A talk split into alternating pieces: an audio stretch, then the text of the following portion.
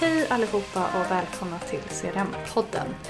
Det här kan vara det mest efterlängtade avsnittet ever eh, eftersom det har tagit mig ungefär ett år eh, att spela in ett nytt avsnitt.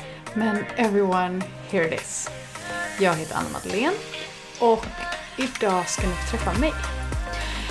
Idag är temat paradoxen. Ju mer kunddata du har, desto nöjdare är dina kunder. Det är lätt från ett konsumentperspektiv att tänka att man inte vill dela så mycket data. Å andra sidan så förväntar sig slutkonsumenterna att datan ska hanteras på helt rätt sätt.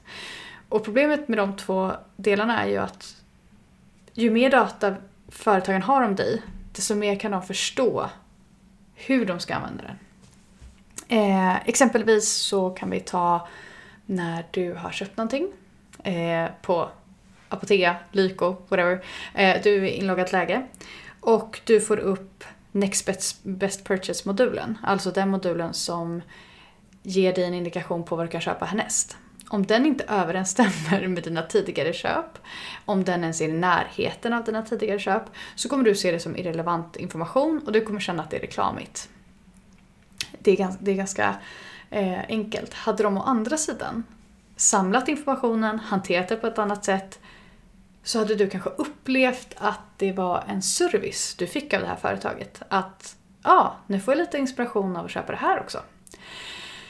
Detsamma gäller pushnotiser som eh, till exempel Google Maps eller andra pushnotiser som baseras på vart du befinner dig någonstans.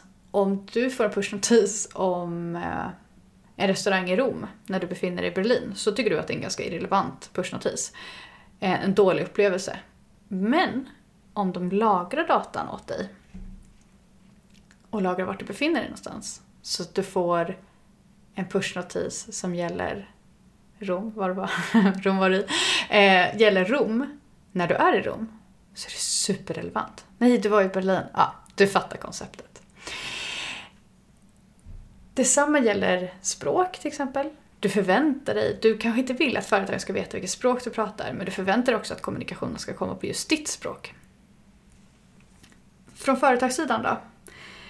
Det är jätteviktigt att de här basic hygienreglerna finns på plats för att du ska kunna uppleva den här eh, relevanta upplevelsen.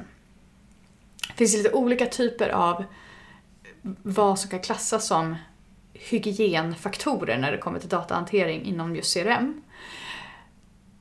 Men jag hade rekommenderat dig att skriva upp en liten checklista.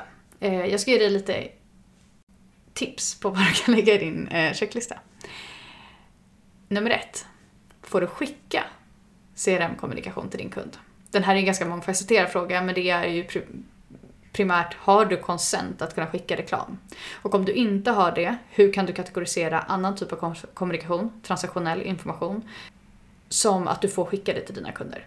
Så nummer ett, får du skicka? Nummer två, kan kunden välja bort informationen? Om det nu är så att du har opt-in, en aktiv opt-in, kan kunderna aktivt opta ut. Bra, då har vi börjat med de mest, absolut mest basic. De här är jätteviktiga för att du ska kunna skala din CRM-kommunikation på bästa möjliga sätt. Nummer tre. Vilket språk talar kunden?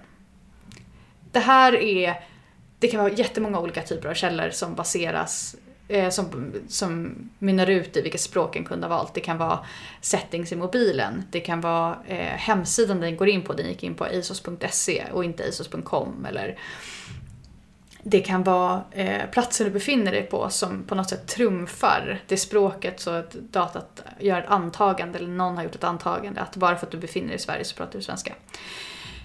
Det är också en väldigt viktig sak. Se till att du vet vilket språk din kund pratar. För det finns ingenting som är så irrelevant som ett engelskt e-mail till en svensk kund eller vice versa. Det var de första fem. I'm just gonna keep going.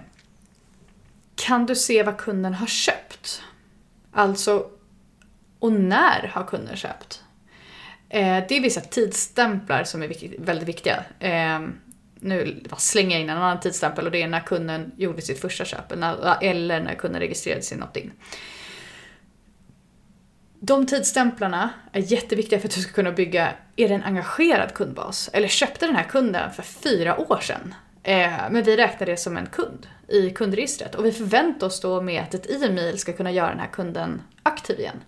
Eh, det, det goes without saying att en fyra år gammal kund som aldrig har använt din eh, e-handelstjänst tidigare, eller liksom mellan, i en fyraårsperiod, kommer antagligen inte bli superpepp på det här mejlet du skickar. Har du de här tidsstämplarna, blanda in det i din kommunikation så du kan bygga en kundresa som faktiskt makes sense.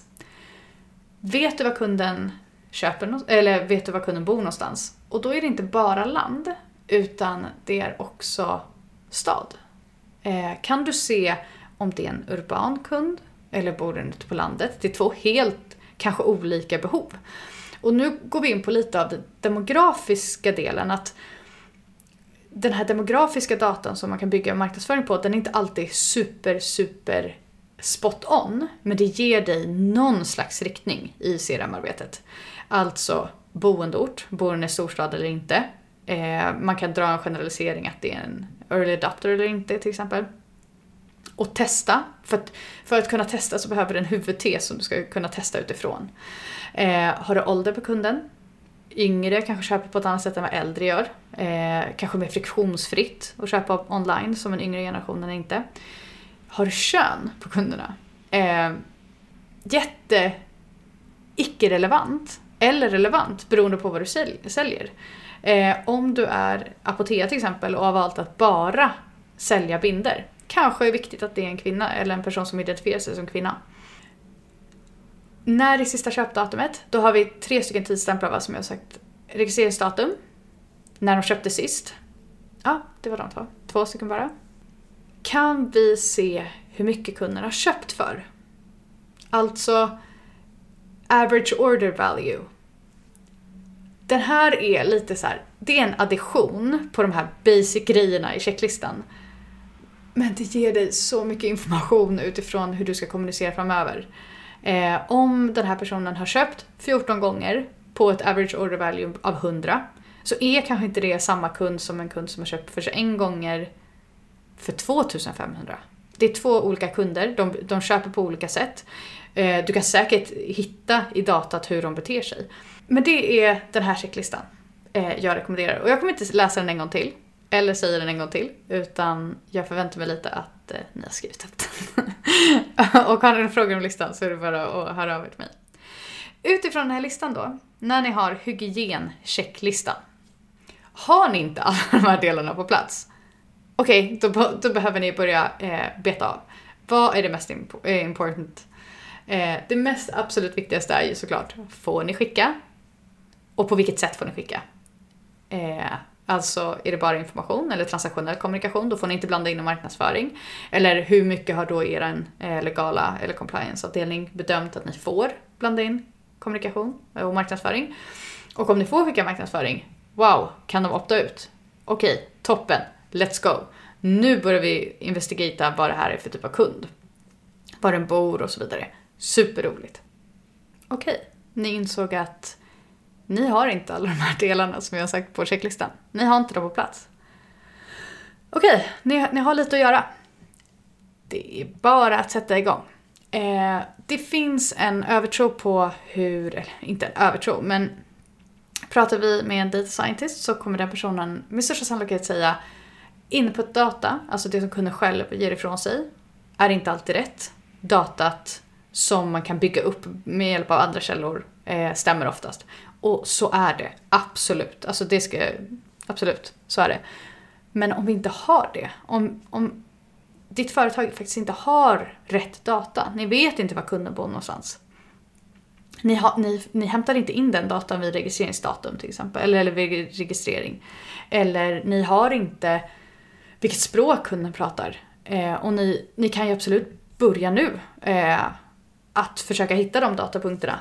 Men ett enkelt sätt att faktiskt komma till bukt med sådana här saker är att första gången de använder en tjänst, be dem fylla i, be dem göra ett onboardingprogram eh, där, du, där du faktiskt får all den här informationen. Vilket språk vill du välja? Bra, då har de helt plötsligt valt och då får ni utgå från den eh, datapunkten tills ni har någonting mer tillförlitligt. Ett onboardingprogram kan ju vara Eh, och det är jättetråkigt att bygga, men det, det ge jättemycket information. Det kan vara hur gammal är du? Eh, sånt som kunderna kanske eh, är vana vid att fylla i när de skapar ett konto. Precis på samma sätt kommer man göra när de faktiskt köper någonting. Och nio fall av tio när de köper någonting så får ni ju den här informationen. Så ni borde ju lagra det på ett eh, smart sätt. I det här onboardingflödet så frågar ni på vilket sätt kanske de vill ta emot information. Det, jag har inte lagt till det i checklistan, men det är liksom nivå nummer två. På vilket sätt vill de bli kontaktade? Vill de bli kontaktade bara via mail? Vill de bli kontaktade bara genom eh, postala brev, eh, sms? Ja, you name it. Eh, genom att fråga kunderna vilket år de är född, eh, vilket kön de har eller vilken typ av eh, produkt de är intresserade av. De kanske är jätteintresserade av hudvårdsprodukter. Bra, då vet du det. Och de kommer också tacka dig. För att givet att du, de har fyllt i den här informationen så kommer de förvänta sig att de får rätt och relevant information. Så absolut, nästa problem är ju om du inte nu levererar på det som kunderna förväntat sig. De har gett dig sin ålder, de har gett sin mailadress, de har gett var de bor, de har gett sitt intresse och du fortfarande inte har datat om flik. Det är ett senare problem. Vi hoppas att vi inte hamnar där. Eh, men ett onboardingflöde, superenkelt. Ett ut, eh, en survey, inte alltid superuppskattat. Inte så hög svarsfrekvens heller kanske. Så ja, där finns ju worst case scenario. Eh, gällande då både survey och eh, onboardingflöden så är det ju så att du kommer ha en ganska stor del som inte har genomgått onboardingflödet eller har svarat på surveyn. Eh, då kan man ju börja göra tvillinganalyser för att hitta liknande typer av kunder och faktiskt göra ett antagande att har de köpt på samma sätt, har de gjort på samma sätt så antar vi att de hade svarat på liknande sätt. Eh, och då testa utifrån den tesen. Varje gång någon ringer in till kundtjänst, eh, jag har varit på företag där de har de här frågorna uppdelade. Eh, så varje gång någon ringer kundtjänst så markeras det rött. Eh, det som är markerat rött ska kundtjänst då handläggaren eh, be om svar. För att man ska kunna skapa bättre CRM och mer relevant kommunikation. Inloggade sidor, att man gör det som en ett spel, gamification av inloggade sidor, bygg din profil, de lägger till bilder, de kanske connectar det med sitt Instagram. Eh, alla de här delarna för att kunderna ska känna sig mer engaged i vilken data de delar och eh, i ert, ert företag.